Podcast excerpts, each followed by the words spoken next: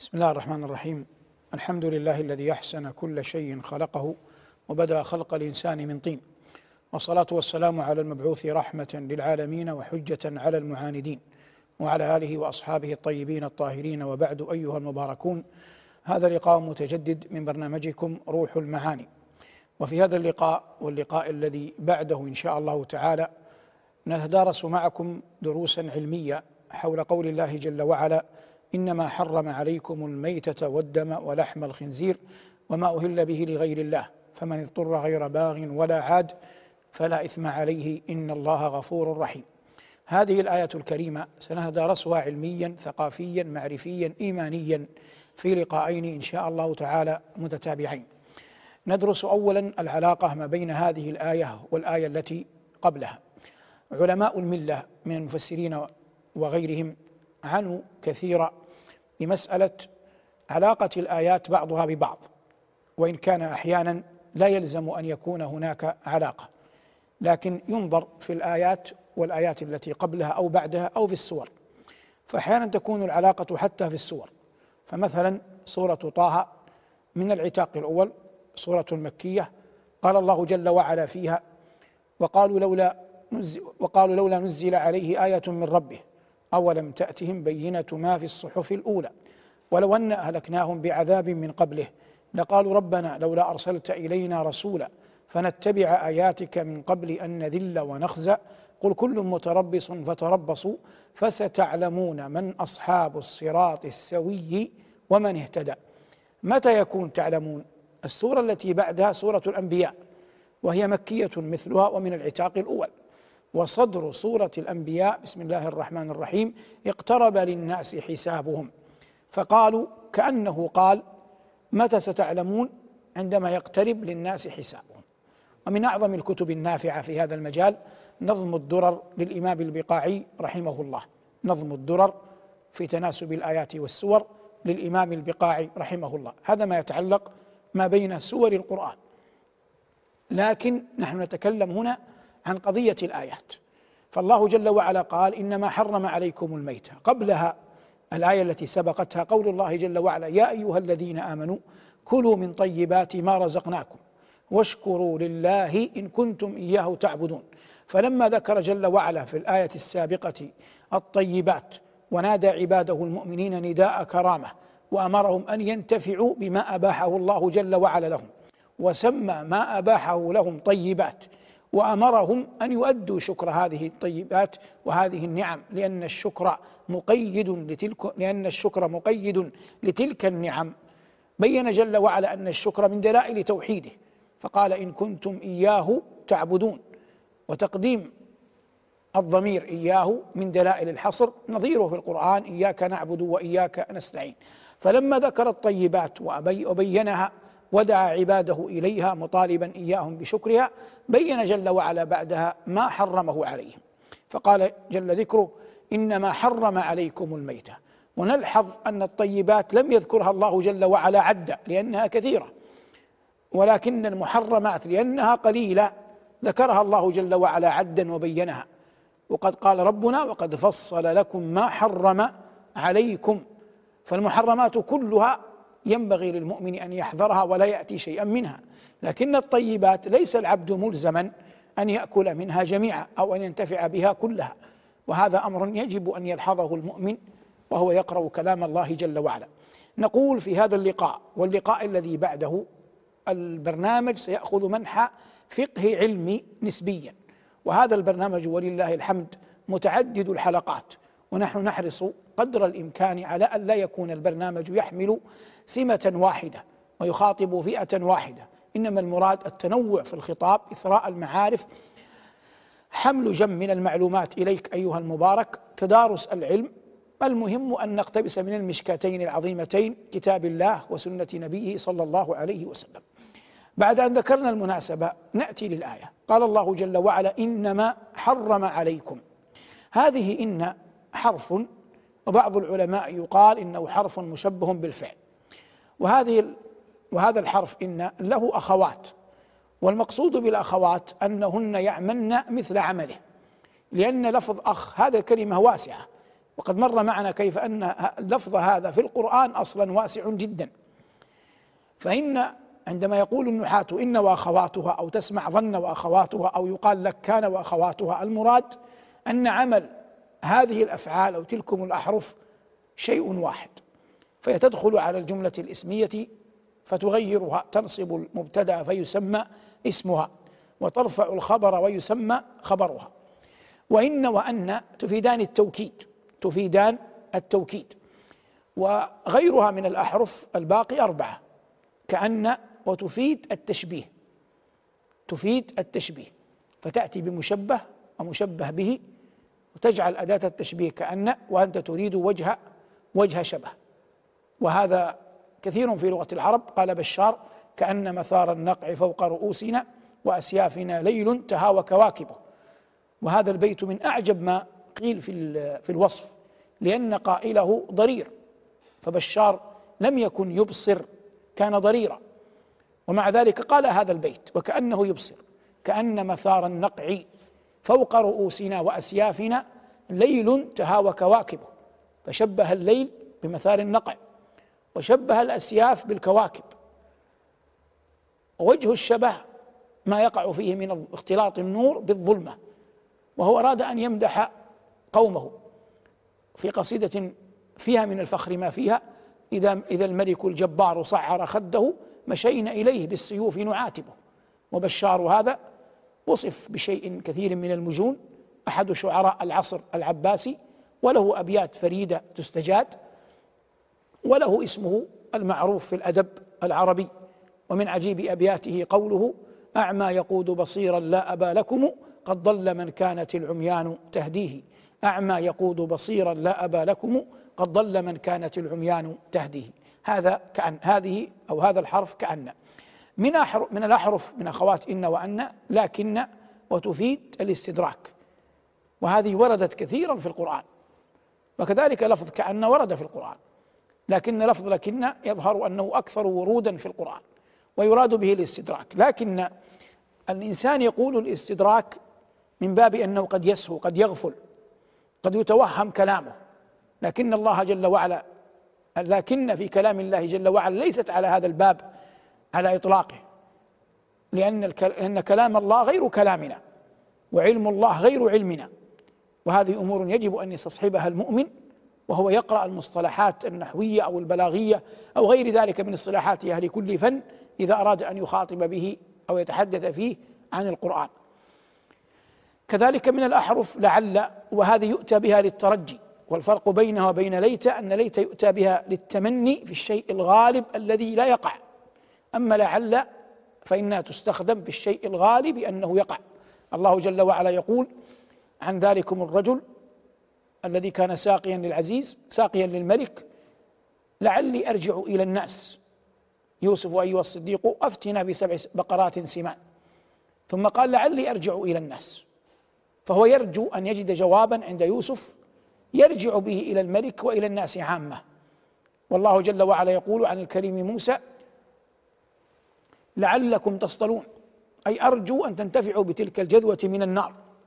والمقصود أن لعل تصنع مثل صنيع إن وأن وكأن ولكن في الأسماء في المبتدأ وخبره لكن المراد النفع منها المعنوي هو قضية الترجي. يقابلها ليت وقد بينا أنها للتمني ويؤتى بها في الغالب للحكاية عن شيء بعيد المتناول أو يتعذر أن يقع كالبيت المشهور ألا ليت الشباب يعود يوما فأخبره بما فعل المشيب. ألا ليت الشباب يعود يوما فأخبره بما فعل المشيب. ومعلوم أن الشباب لا يعود. ونظيره قول القائل ليت شبابا ليت وهل ينفع شيئا ليت ليت شبابا بوعا فاشتريت. ليت وهل ينفع شيئا ليت ليت شبابا بوعا فاشتريت. ومعلوم أن الشباب لا يباع. وقد جاء في القرآن على هذا المنوال. يا ليتنا نرد ولا نكذب بآيات ربنا. ومعلوم أن الناس يوم القيامة لا يردون إلى الدنيا ولا يرجعون إليها. ومع ذلك قال الله ولو ردوا لعادوا لما نهوا عنه. والمقصود التفرقة في العمل ما بين لعل وما بين ليت. وكلاهما في الشعر العربي بشأن واسع. وحري بالمرء المؤمن الذي يريد أن يفقه عن الله كلامه أن يكون له حظ من شعر العرب من كلامهم من أيامهم من آدابهم. يعرفها يطلع عليها يعرف الأحرف الصناعات النحوية ولو يأخذ عنها بإجمال. فهذه أحرف مشبهة بالفعل تعمل عكس عمل كان واخواتها تنصب الأسماء ترفع الخبر وهناك أحرف تلحق بها وهي ليست منها لكنها قريبة منها في العمل. قال الله جل وعلا إنما دخلت ما هنا على إن. فإذا دخلت ما على إن هنا ينجم عن ذلك أثران. اثر في الصناعة النحوية واثر في المعنى. فأما الأثر في الصناعة النحوية فان ما تكف إن عن العمل. وقد قلنا إن من عمل إن أنها تنصب الإسم وترفع الخبر. فإذا دخلت عليها ما كفتها عن العمل وأصبح لا عمل لها ولذلك يصطلحون في الإعراب المجمل السريع أنهم يقولون في إعراب إنما كافة ومكفوفة. فمن الكافة؟ ما. ومن المكفوفة عن العمل؟ إن. فيصبح لا عمل لها. ولهذا قال الله إنما حرم عليكم الميتة والدم. فيصبح عمل إنما ملغي. عمل إن ملغي. فيصبح عمل إن ملغيا لأنها دخول ما كفها عن العمل. هذا الأثر النحوي. أما الأثر في المعنى فإنه ينجم عنه أن الأسلوب يصبح أسلوب حصر. يصبح أسلوب حصر. فتفيد الجملة فيما بعدها الحصر فتثبت ما بداخلها وتنفي ما عداه. تثبت ما بداخلها وتنفي ما ما عداه. قال ربنا إنما حرم عليكم التحريم أحد الأحكام التكليفية الخمسة وهي يقال حرام ومباح ومكروه وواجب ومندوب. فالمكروه يقابل المندوب والحرام يقابل المباح ويتفرد الواجب بالعلو لأنه لا مناص من فعله. فهذه الأفعال أو الأحكام التكليفية الخمسة التي جاء بها الشرع. إنما حرم عليكم. من الذي حرم؟ الله تبارك وتعالى. فالنبي عليه الصلاة والسلام ليس عليه إلا البلاغ. وقد بلغ الرسالة وأدى الأمانة صلوات الله وسلامه عليه على الوجه الأتم والنحو الأكمل والتحريم يقع على ضربين وهذا مر معنا كثيرا تحريم منع وتحريم شرع. لكن عندما نقول الأحكام التكليفية الخمسة فلا نقصد ابدا إلا تحريم إلا تحريم الشرع. وينبغي أن يعلم أن من الدين أن التحريم كالإباحة كلاهما لا يكونان إلا لله.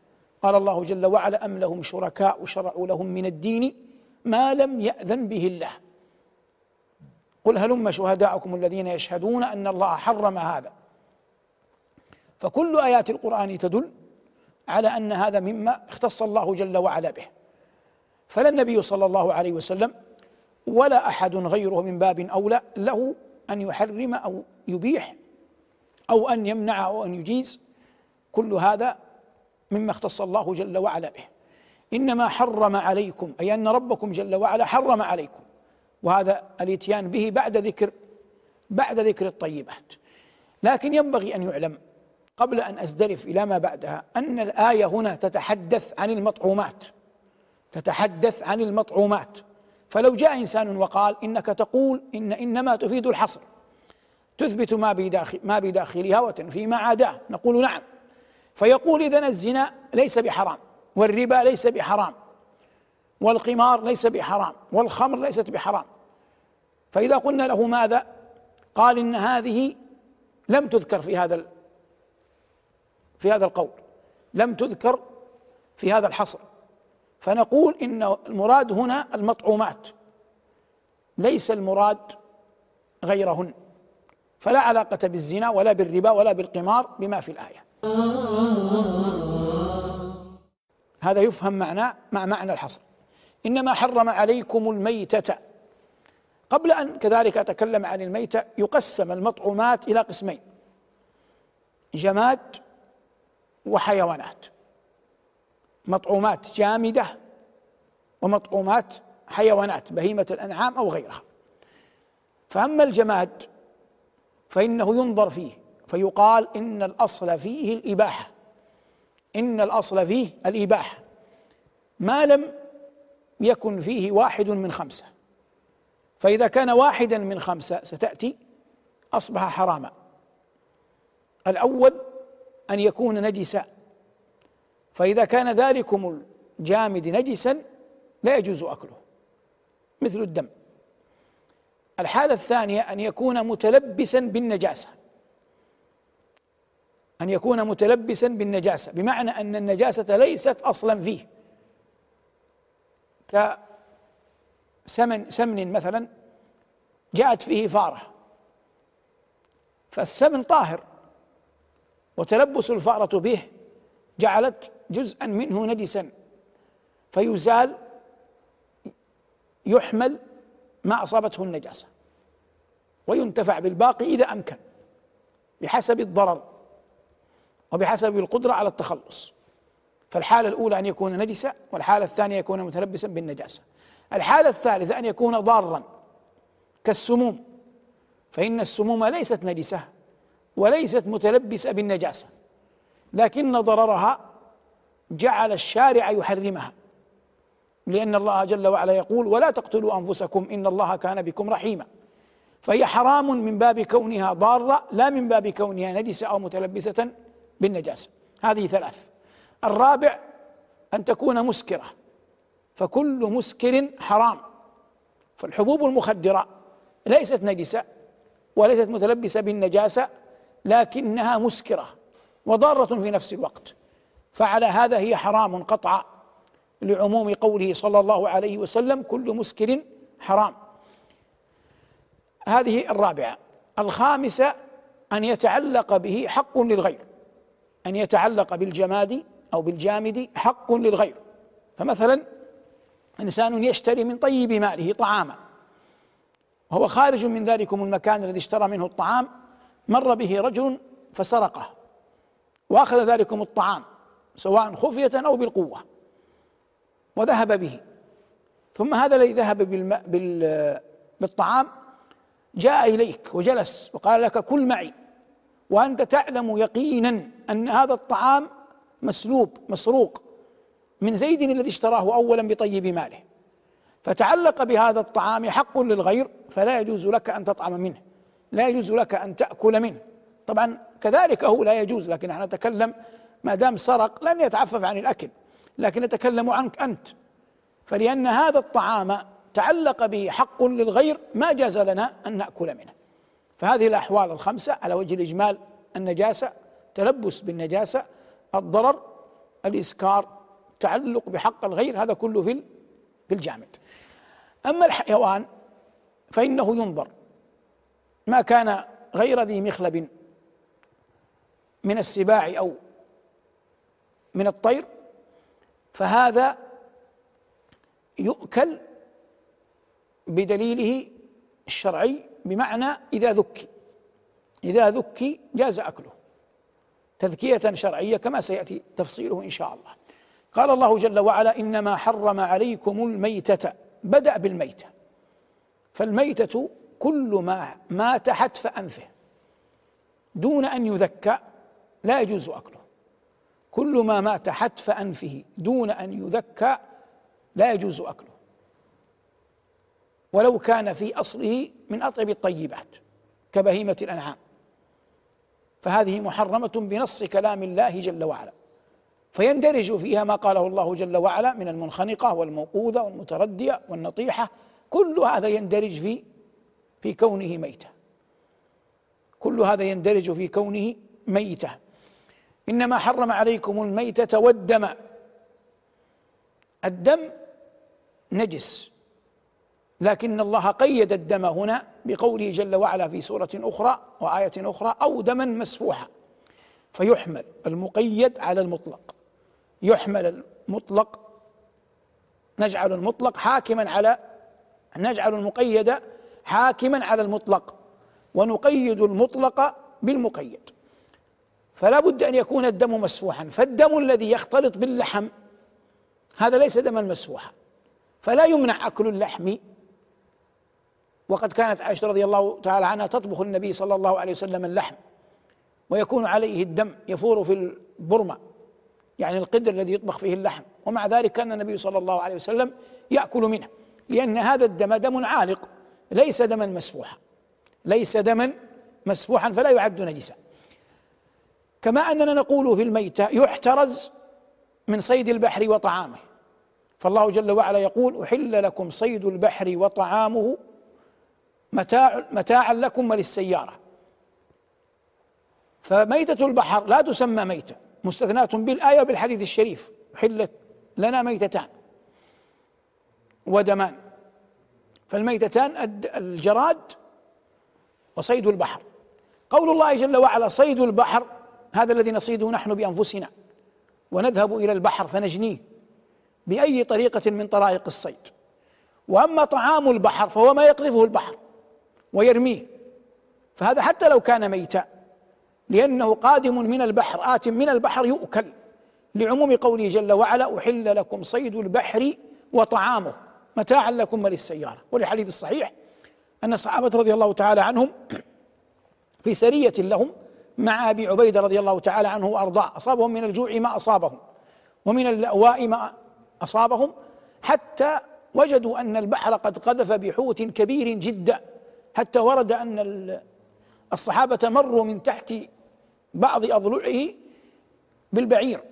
وهذا يدل على أنه كان ضخما جدا. فأكلوا منه وطعموا مدة بقائهم. فلما جاءوا المدينة أخبروا النبي صلى الله عليه وسلم بهذا.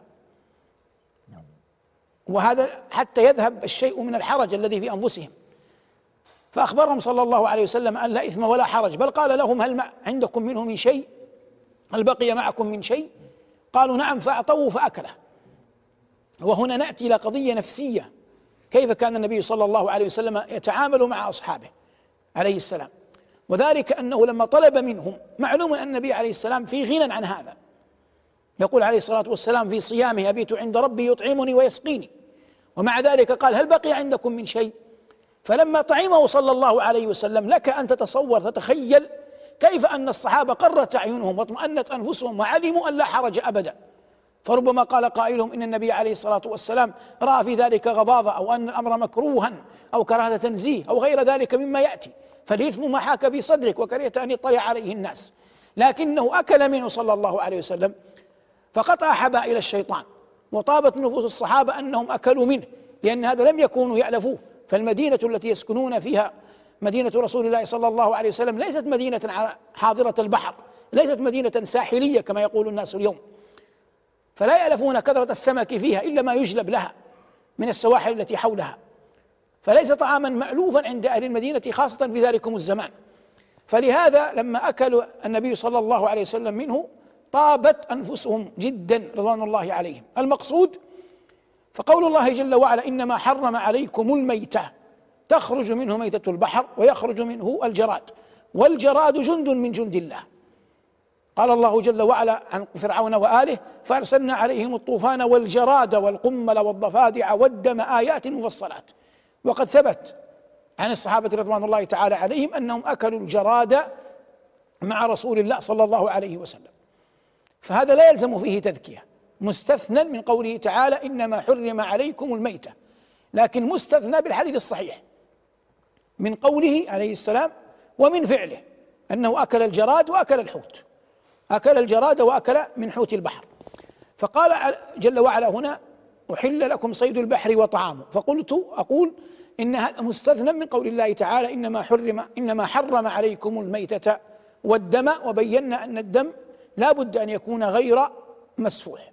لأن قوله جل وعلا في آية أخرى أو دما مسفوحا هذا مقيد والمقيد يحكم المطلق إذا تضافرت الأسباب واتفقت عدم وجود الموانع لحمل المطلق لحمل المطلق على المقيد. وهذا كله في التحريم. إنما حرم عليكم الميتة والدم ولحم الخنزير. قبل أن نتجاوزها نبغى في قضية البحر قليلا النبي صلى الله عليه وسلم فيما نعلم لم يرى البحر.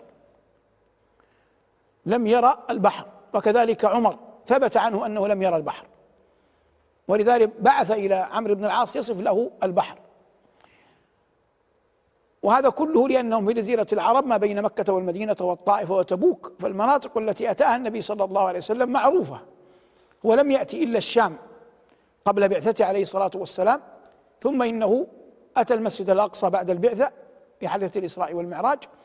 وأما جزيرة العرب فإنه عليه الصلاة والسلام بلغ الطائف قبل الهجرة. وبلغ تبوك ومر على وادي القرى إلى ما بعد خيبر قريبا من تيماء واتى صلى الله عليه وسلم وادي الصفراء غرب جنوب غرب المدينة حتى بدر. هذه ومكة هذه الديار التي مر بها النبي صلى الله عليه وسلم. وطريق ما بين مكة والمدينة في هجرته عليه الصلاة والسلام أو في حجته ثمه جبال معروفة وطرق وأودية أتاها صلى الله عليه وسلم محفوظة. أما غير ذلك من المدن الحاضرة للبحر أو غيرهن في جزيرة العرب فلم فلا يعلم أن النبي صلى الله عليه وسلم أتاها أو وطئها. نعود لما نحن فيه. إنما حرم عليكم الميتة والدم ولحم الخنزير وما أهل به لغير الله. بعد أن ذكر الله جل وعلا الميتة والدم قال ولحم الخنزير. والخنزير حيوان معروف.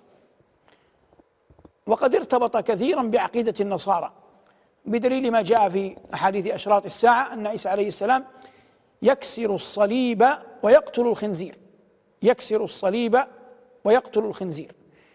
وفي شعر المعل في شعر النقائض بين جرير والفرزدق والأخطل وهذا مر معنا كثيرا نقول قلنا في اللقاء الماضي إن الأخطل كان نصرانيا. فجرير كان ينظر إلى هذه النصرانية على انها نقطه على انها نقطة ضعف في الاخطل فيتوخاها.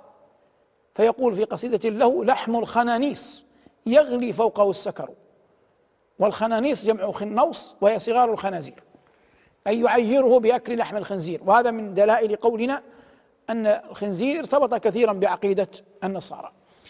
قال الله جل وعلا إنما حرم عليكم الميتة والدم ولحم الخنزير. لكن الله قال ولحم. فأخذ بعض أهل الظاهر بهذه بلفظ الآية وقالوا إن شحم الخنزير غير غير محرم. لكن بعض أهل العلم كالقرطبي وغيره نقلوا الإجماع على أن الخنزير كله محرم لحما وشحما. وإنما ذكر الله جل وعلا اللحم لأن المراد هنا حتى الخنزير لو ذكي ذكاة شرعية حتى لو ذكي. ذكاة شرعية فإنه لا يقبل. ومعلوم أن الإنسان لا يذكي ويذبح إلا لينتفع باللحم فاللحم هو المقصود الأول والمطلوب عند ذبح ما يذكى ويذبح من من البهائم. فعلى هذا الجمهور على أنه لحمه وشحمه وكله على أن لحمه وشحمه وجميعه محرم. وحملوا قول الله جل وعلا ولحم الخنزير على محامل عدة منها التغليب ومنها أن اللحم هو المقصود الأول. وبعضهم يقول إن اللحم إذا أطلق في اللغة يراد به اللحم والشحم وأما الشحم إذا يطلق فلا يراد به إلا اللحم. هذا ذكره بعض أهل العلم لكن في النفس منه حاجة في قبوله واعتماده. قال ربنا إنما حرم عليكم الميتة والدم ولحم الخنزير. فهذا ثالث المحرمات المحصورة في الآية. وما أهل به لغير الله. ما بمعنى الذي موصولة. أي والذي أهل به لغير الله. ما الإهلال؟ الإهلال في اللغة رفع الصوت في الدعاء. رفع الصوت في الدعاء. ثم استعير مجازا كما يقول أهل البلاغة فأصبح يطلق على كل رفع صوت. وقد كان من عادة القرشيين أنهم إذا ذبحوا لآلهتهم اللات العزى مناه يرفعون أصواتهم. فمثل هذا حرمه الله جل وعلا. قال ربنا وما أهل به لغير الله. من هذا يفهم لو جاء إنسان إلى المدينة المنورة وهي من أطيب أرض الله بلدة عاش فيها النبي صلى الله عليه وسلم فالمكان إذن لا خلاف على طهارته. ثم جاء ببهيمة الأنعام. جاء مثلا بكبش والكبش لا خلاف على حله. من أعظم بهيمة الأنعام والنبي صلى الله عليه وسلم مكث عشر سنين في المدينة يضحي به. فلو جاء إنسان وذبح الكبش الذي هو من أطيب الطيبات وذكاه تذكية شرعية شرعية في في الطريقة في المدينة المنورة لكنه أهل به لغير الله. لوثن أو لصنم أو لزعيم فهل يؤكل؟ يصبح حراما بنص القرآن. لأن الله قال وما أهل به لغير الله وما أهل به لغير الله وإنما المشروع عند التذكية أمور. نحر الوجه الوجهين التسمية والتكبير واستقبال القبلة وليس استقبال القبلة شرطا لكنه مسنون.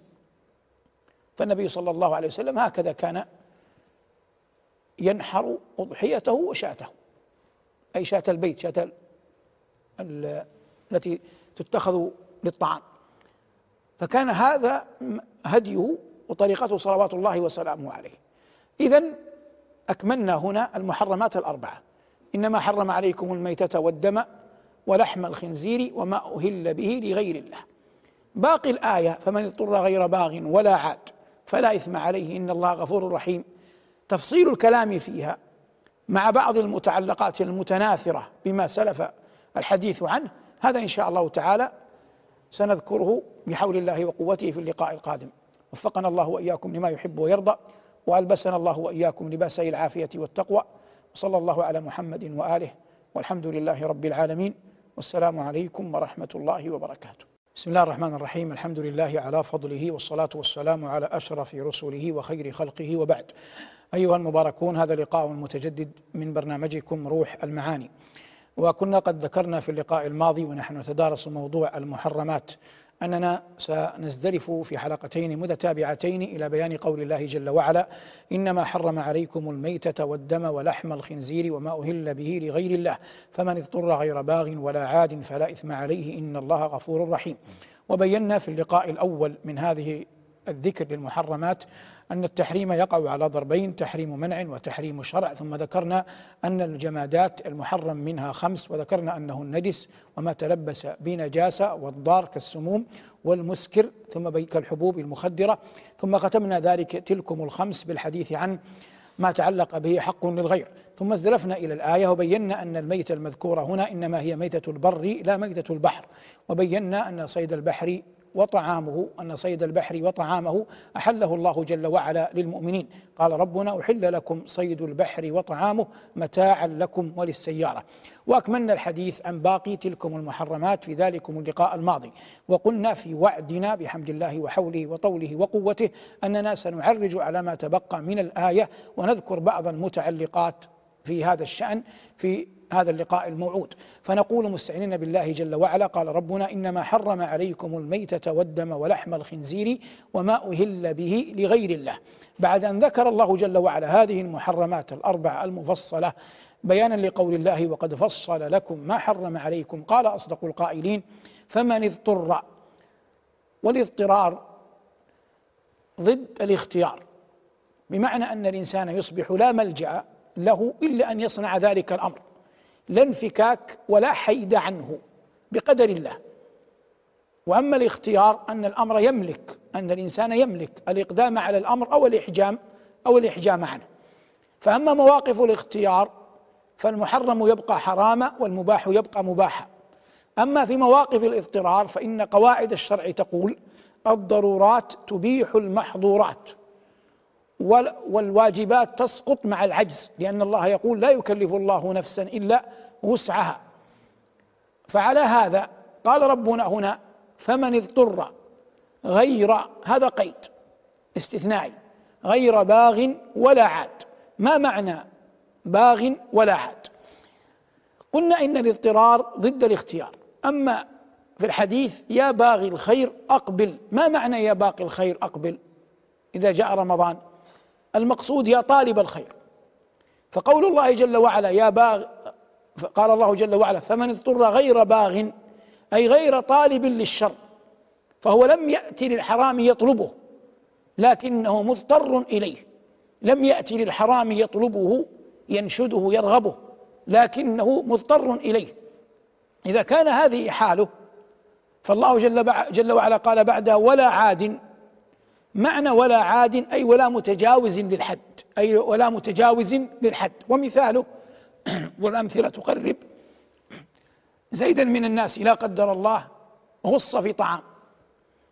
ايا كان موضع سفره أو إقامته ثم لم يكن أمامه وهذا على باب الفرض على باب الفرض إلا كأس خمر. فهو لم يطلبها أصلا.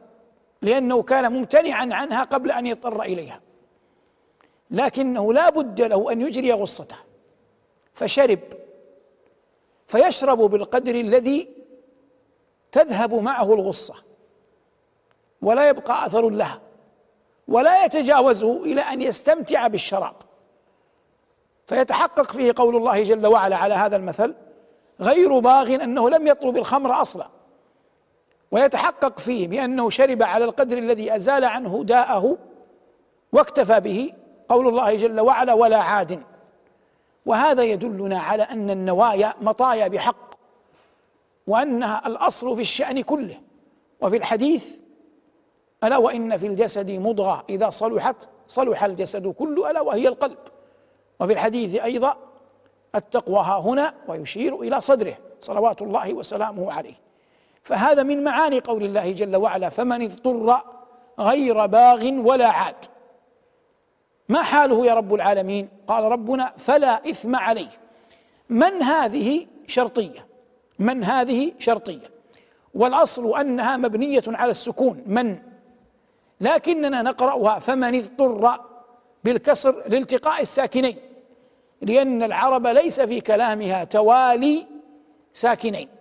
ليس في كلامها توالي ساكنين. فإذا قلنا فمن اضطر الهمزة التي بعد النون همزة وصل لا تنطق أصلا.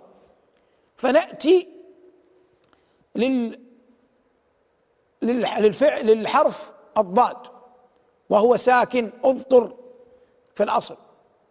فلما كان ساكنا في الأصل التقاء الساكنين يفرض علينا أن نكسر أحدهما لأن الكسر أقرب إلى السكون حتى لا يكون هناك خلاف في نطق اللغة لأن العرب كما قلت لا توالي بين ساكنين. الأسلوب نفسه يسمى أسلوب شرط. فاضطر فعل الشرط كما أن من أداة الشرط. أين جواب الشرط؟ جواب الشرط قول الله جل وعلا فلا إثم عليه. لأننا لو قلنا فمن اضطر غير باغ ولا عاد وسكتنا لم يفهم المتلقي لم يفهم المخاطب ما الأمر؟ ماذا يصنع؟ لم يكن هناك جواب يشفي الصدور ويزيل الإشكال.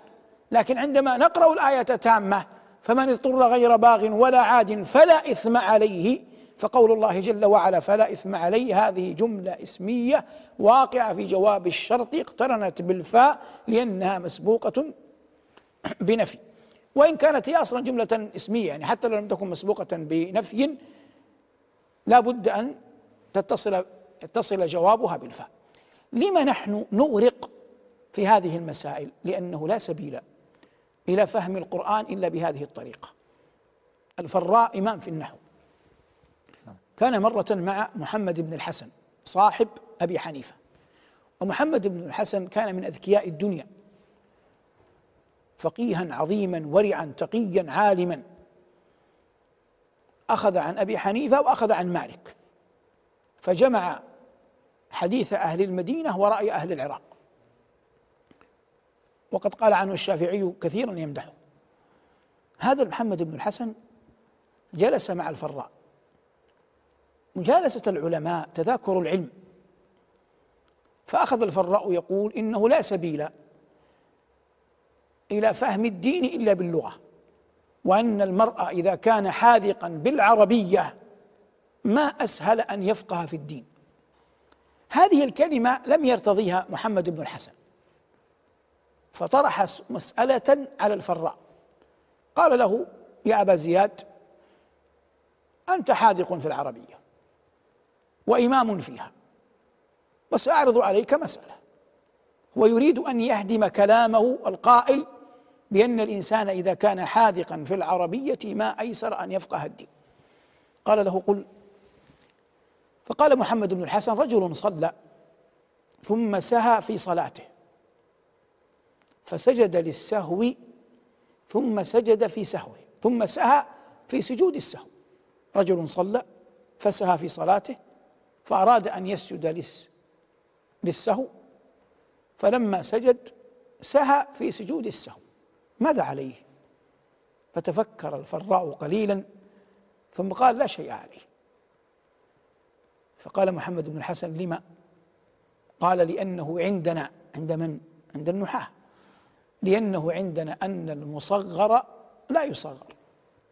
المصغر لا يصغر.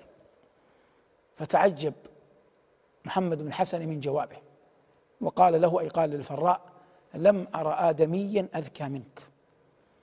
القصة في مجملها تدل على أهمية الصناعة اللغوية النحوية الأدبية وهي النحوية أشد في مسألة فهم القرآن. في مسألة فهم القرآن وإدراك مقاصده ومعانيه. فنعود هنا قال الله جل وعلا فمن اضطر غير باغ ولا عاد فلا إثم عليه. فرفع ربنا الحرج عمن كان مضطرا. وهذا يدلك على سماحة الدين من وجهين. أولا أن المحرمات أصلا معدودة.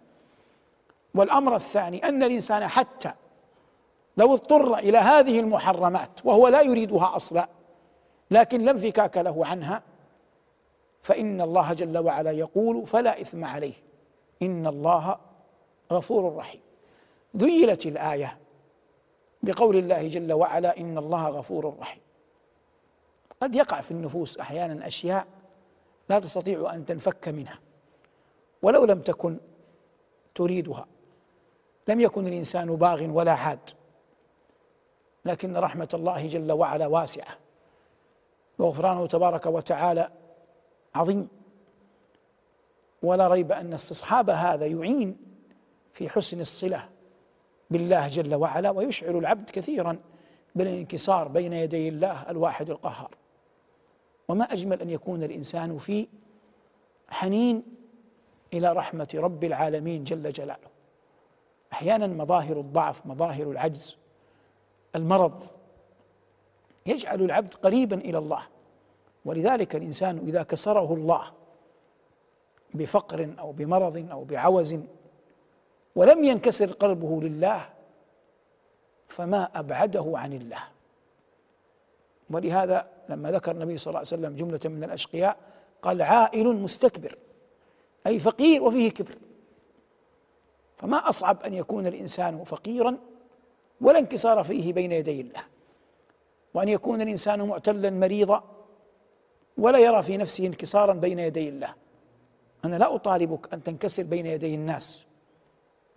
لكن مهم جدا أن يكون هناك انكسار بين يدي الله الواحد القهار.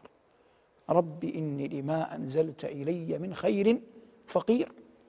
ما أجمل أن يظهر العبد لله جل وعلا ضعفه وعجزه وفقره ومسكنته إن الله يحب منا أن نصنع هذا. لأن الله يقول كلا إن الإنسان ليطغى أن رآه استغنى.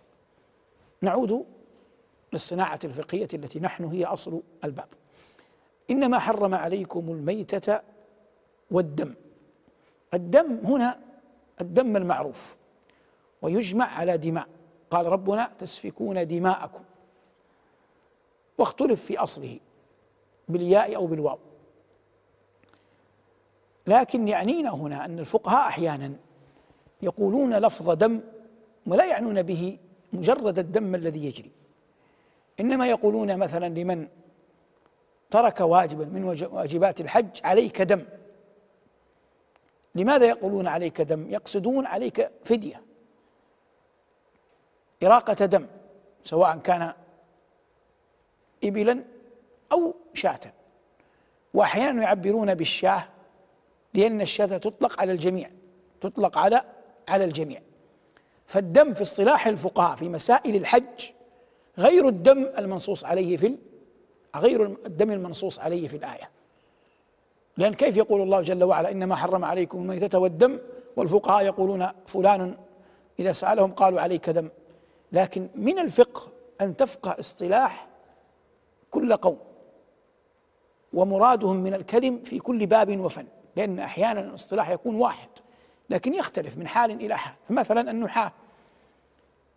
يذكرون في المفرد مقابل المثنى والجمع أنهم يقصدون به الشيء الواحد.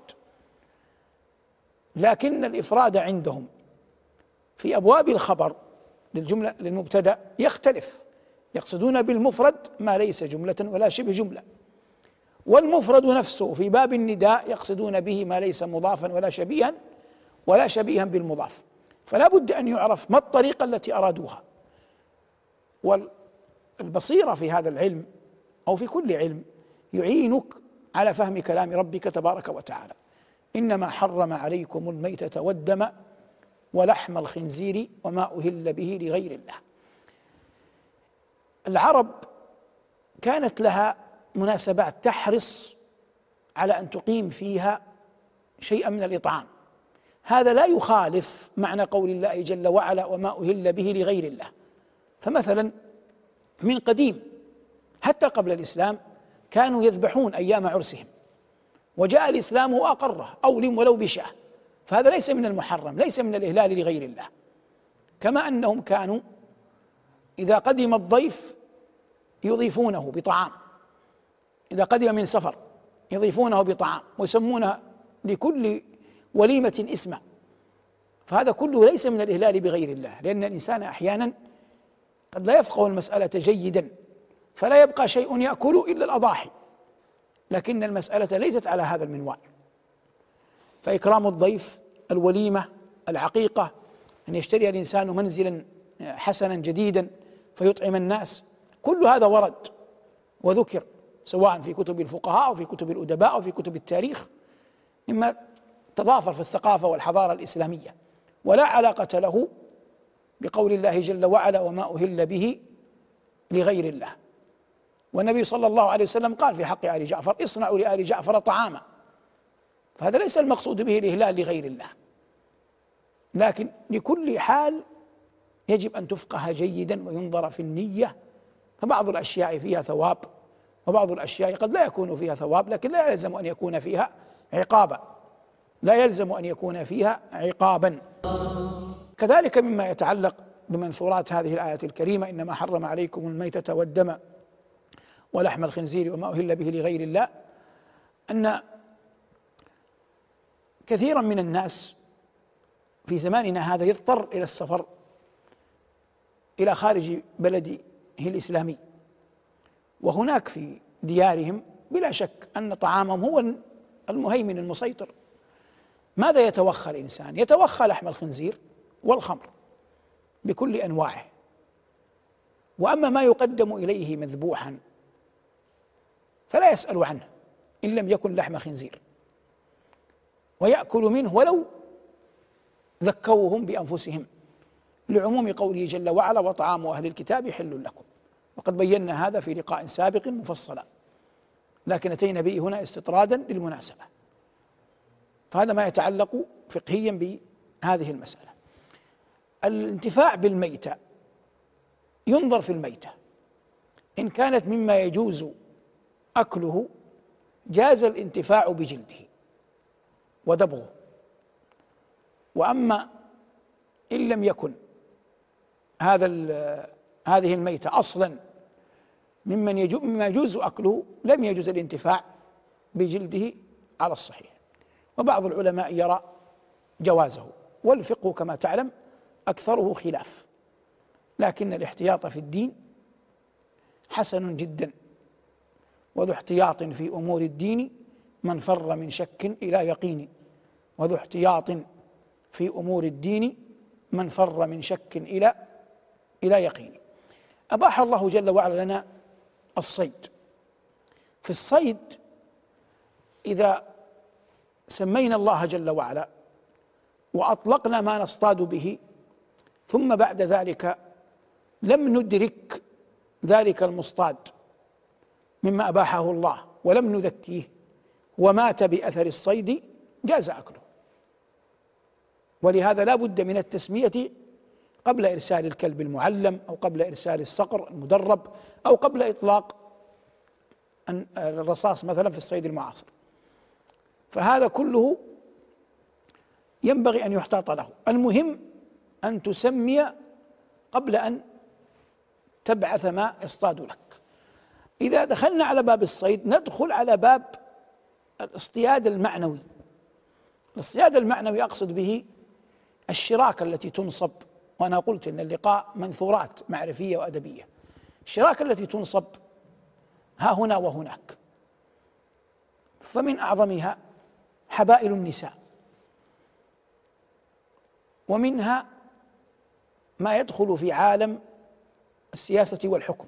يقول المتنبي يمدح سيف الدولة الحمداني فيا عجبا من دائل أنت سيفه أما يتوقى شفرتي ما تقلد ومن يجعل الضرغام بازا لصيده تصيده الضرغام فيما تصيد. بمعنى أن العاقل لا يجعل من دونه في أعماله أقوى منه لأنه قد ينقلب قد ينقلب عليه فإن قوته قد تدفعه لأن يزيلك أنت بالكلية. وهذا قد يطلق في باب أحوال الرؤساء والملوك أو السادة لكن الإنسان في هذه الأمور يكون على بينة من أمره. نحن نعلم أن غالب خطابنا لا يصل إلى أولئك القوم لكن حتى في أمور التجارة في أمور الإدارة. الإنسان يكون لبيبا ذكيا ومن حق الإنسان أن يحافظ على نفسه. وألا يكون متاعا هينا لكل أحد. يتخذه طريقا وسبيلا إلى مقصوده. وسأتي بمثال قد تعجب منه. لكن النظرة للسنة ينبغي أن تكون نظرة متمعنة. بعد معركة بدر لم يكن الخمر قد حرمت بعد. وكان قد توافق النبي صلى الله عليه وسلم مع علي بن أبي طالب على أن يزوجه ابنته فاطمة رضوان الله تعالى عليها. البضعة النبوية والجهة المصطفوية وافضل نساء العالمين. فعلي رضي الله عنه يريد أن يجهز لنفسه. فاتخذ شارفا شارفا ناقه كوماء كبيرة عظيمة أراد أن يذهب بها إلى مكان ما يأتي بنوع من الإذخر وغيره حتى يبيعه. واتفق مع رجلين من الأنصار أن يذهب معه. ثم جعل علي هذه الشارف في ناحية من الدار يعني خارج الدار. قدر لحمزه بن عبد المطلب سيد الشهداء وعم رسول الله صلى الله عليه وسلم أن ذلكم اليوم يسكر يشرب الخمر قبل أن تحرم مثل مثل سائر الصحابة. فثمل وسكر ولم يدري ماذا يصنع. فقالت له الجواري ألا يا حمز للشرف النواء؟ ألا يا حمز للشرف النواء؟ فأخذ السكين وذهب إلى الناقة الكوماء التي كان علي يعدها لنفسه فنحرها. وجزها وأخرج كبدها ليشوى كل هذا وهو ثمل. لكن حمزة كان قويا جبارا. رآه أسامة بن زيد. فدخل على النبي صلى الله عليه وسلم فدخل رآه أسامة فأخبر عليا فجاء علي فذهل. فذهب إلى النبي صلى الله عليه وسلم يخبره. فلما أخبره قام عليه الصلاة والسلام يجر رداءه فدخل البيت. فوجد حمزة ثملا فخاطبه كلمه يعاتبه يرى أين عقله. فقال حمزة لرسول الله صلى الله عليه وسلم وهل أنت وعد عليا وغيره إلا عبيد لأبي؟ أنت تعلم أنه من أعظم من ذاد عن رسول الله صلى الله عليه وسلم حمزة. لكن الخمر ما سميت خمرا إلا لأنها تخمر العقل. ما معنى خمار للمرأة؟ الشيء الذي تواري به وجهها تواري به رأسها شعرها. فالخمر تواري العقل لا تجعله يدرك شيئا. فهذا الذي ما خرج من مكة إلا نصرة لله ورسوله. وما قدم ذلك البلاء العظيم يوم بدر إلا نصرة لله ورسوله. وقد صدقه الله فمات شهيدا في أحد. لكنه وقت ذاك كان ثملا. فقال وهل أنت وفلان وفلان إلا عبيد لأبي؟ فلما قالها تبين لرسول الله عليه السلام أن حمزة ثمل وأن حمزة محال أن يقول هذا. ماذا صنع رسول الله؟ هذا موضع الشاهد. رجع القهقرة. ماذا رجع القهراء ما معنى رجع القهقرة؟ أي رجع إلى ورائه. خطوة خطوة. ويبصر حمزة أمامه ويرجع إلى الوراء. لماذا رجع إلى الوراء؟ حتى لو قدر أن حمزة يصنع شيئا يتنبه له فيذود عن نفسه ويمنعه. لكن لو أعطاه ظهره لربما وقع من حمزة شيء آخر. الشاهد من الشاهد من الحديث أن النبي عليه الصلاة والسلام تعامل مع الأمر بواقعية محضة.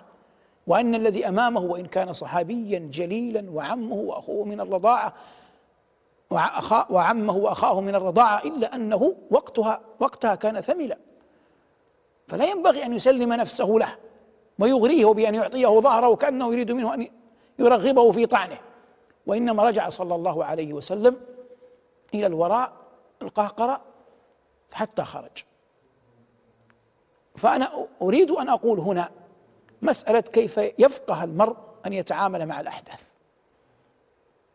هذا كله من المنثورات المتعلقات بقول الله جل وعلا إنما حرم عليكم الميتة والدم ولحم الخنزير وما أهل به لغير الله. فمن اضطر غير باغ ولا عاد فلا إثم عليه إن الله غفور رحيم. تكلمنا عن قضية الصيد ثم تعرضنا لصيد لقول المتنبي. كذلك من مسائل الاصطياد قلت حبائل النساء.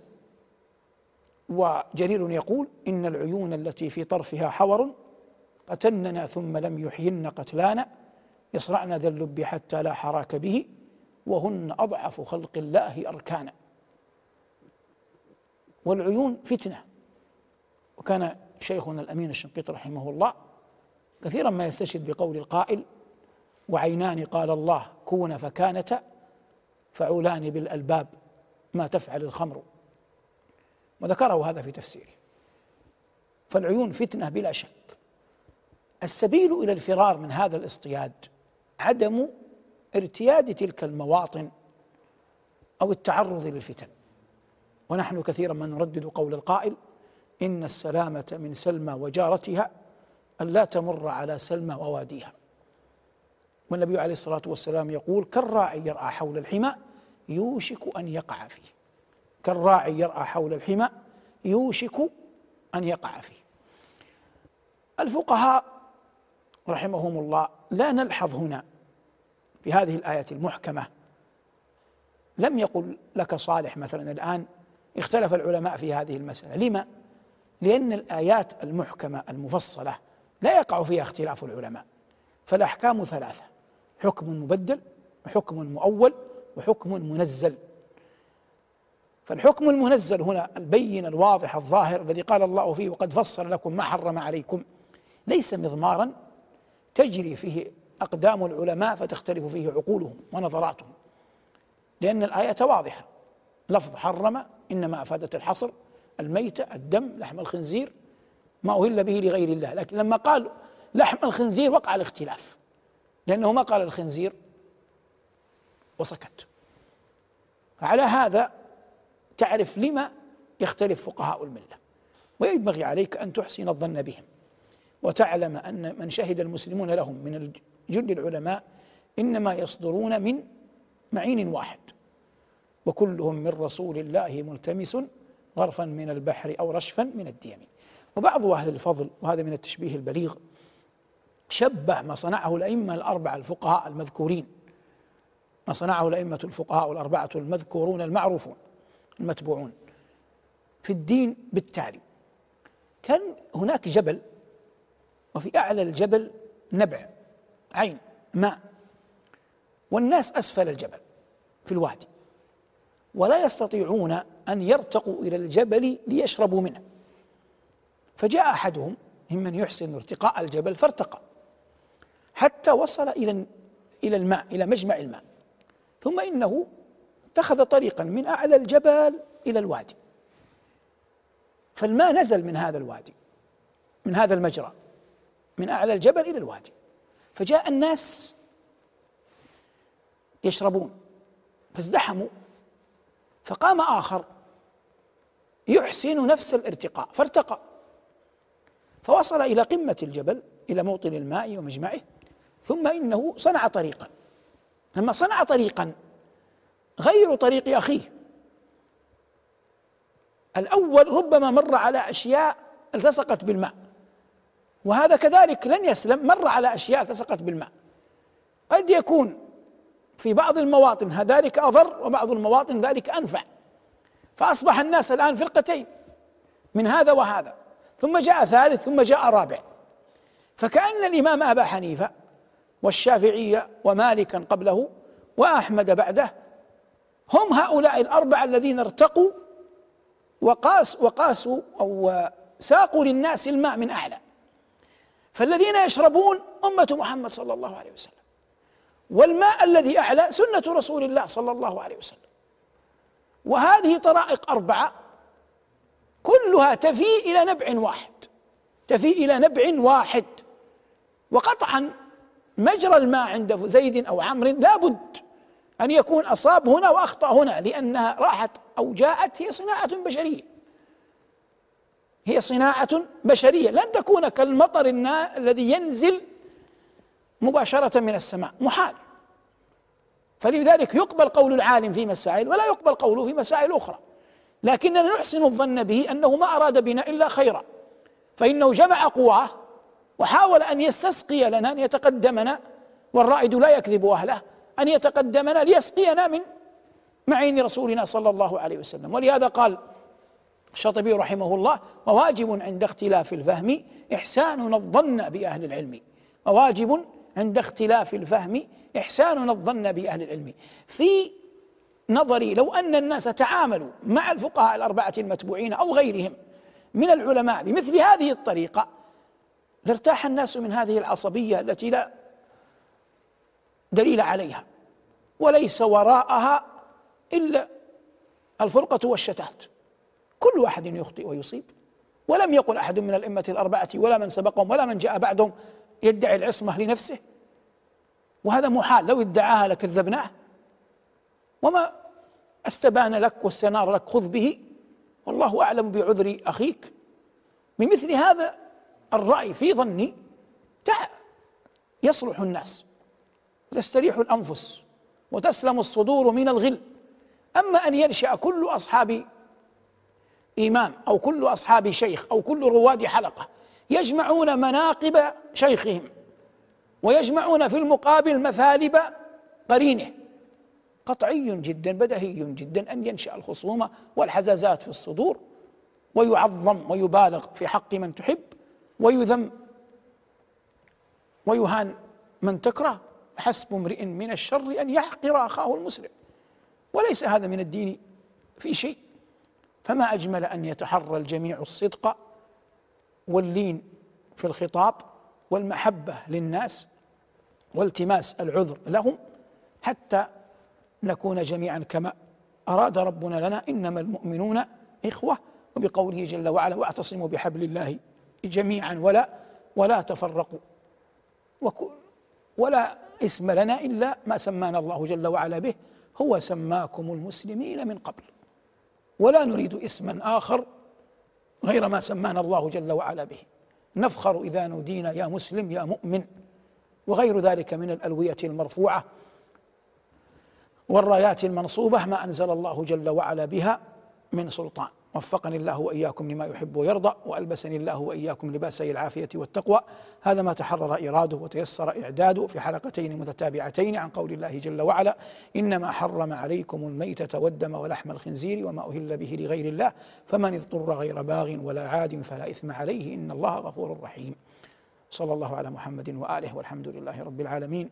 والسلام عليكم ورحمة الله وبركاته.